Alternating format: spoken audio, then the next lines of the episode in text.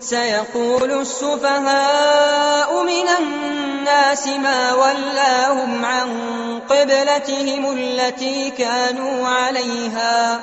قل لله المشرق والمغرب يهدي من يشاء إلى صراط مستقيم. وكذلك جعلناكم أمة وسطا لتكونوا شهداء على الناس ويكون الرسول عليكم شهيدا وما جعلنا القبلة التي كنت عليها إلا لنعلم من يتبع الرسول ممن ينقلب على عقبيه. وإن كانت لكبيرة إلا على الذين هدى الله وما كان الله ليضيع إيمانكم إن الله بالناس لرؤوف رحيم قد نرى تقلب وجهك في السماء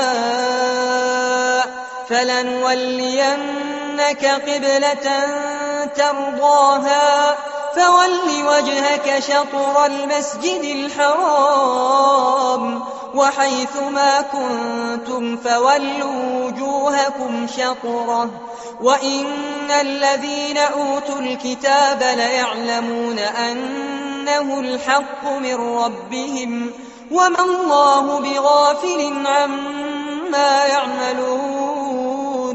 ولئن أتيت الذين أوتوا الكتاب بكل آية ما تبعوا قبلتك وما أنت بتابع قبلتهم وما بعضهم بتابع قبلة بعض ولئن اتبعت أهواءهم بعد ما جاءك من العلم إنك إذا لمن الظالمين الذين آتيناهم الكتاب يعرفونه كما يعرفون أبناءهم وإن فريقا منهم ليكتمون الحق وهم يعلمون الحق من ربك فلا تكونن من الممترين.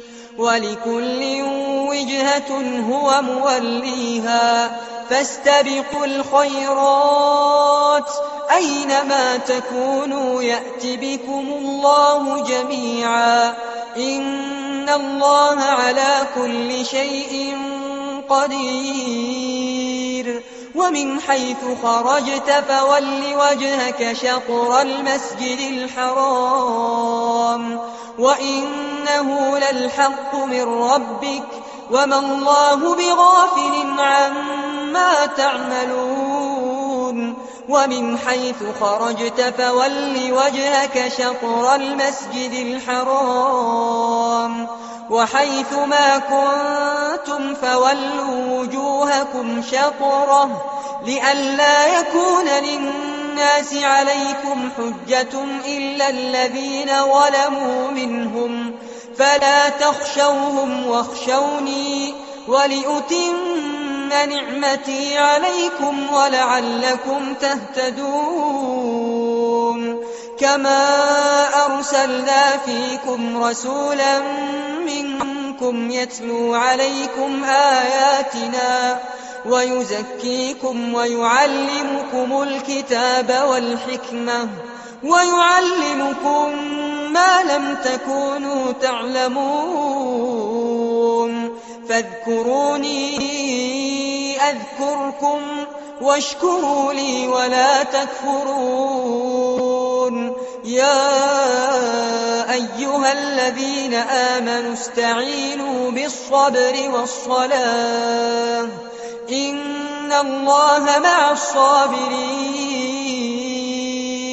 ولا تقولوا لمن يقتل في سبيل الله أموات بل أحياء ولكن لا تشعرون ولنبلونكم بشيء من الخوف والجوع ونقص من الأموال والأنفس والثمرات وبشر الصابرين الذين إذا أصابتهم مصيبة قالوا قالوا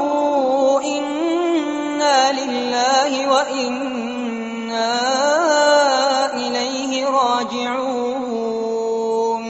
أولئك عليهم صلوات من ربهم ورحمة وأولئك هم المهتدون.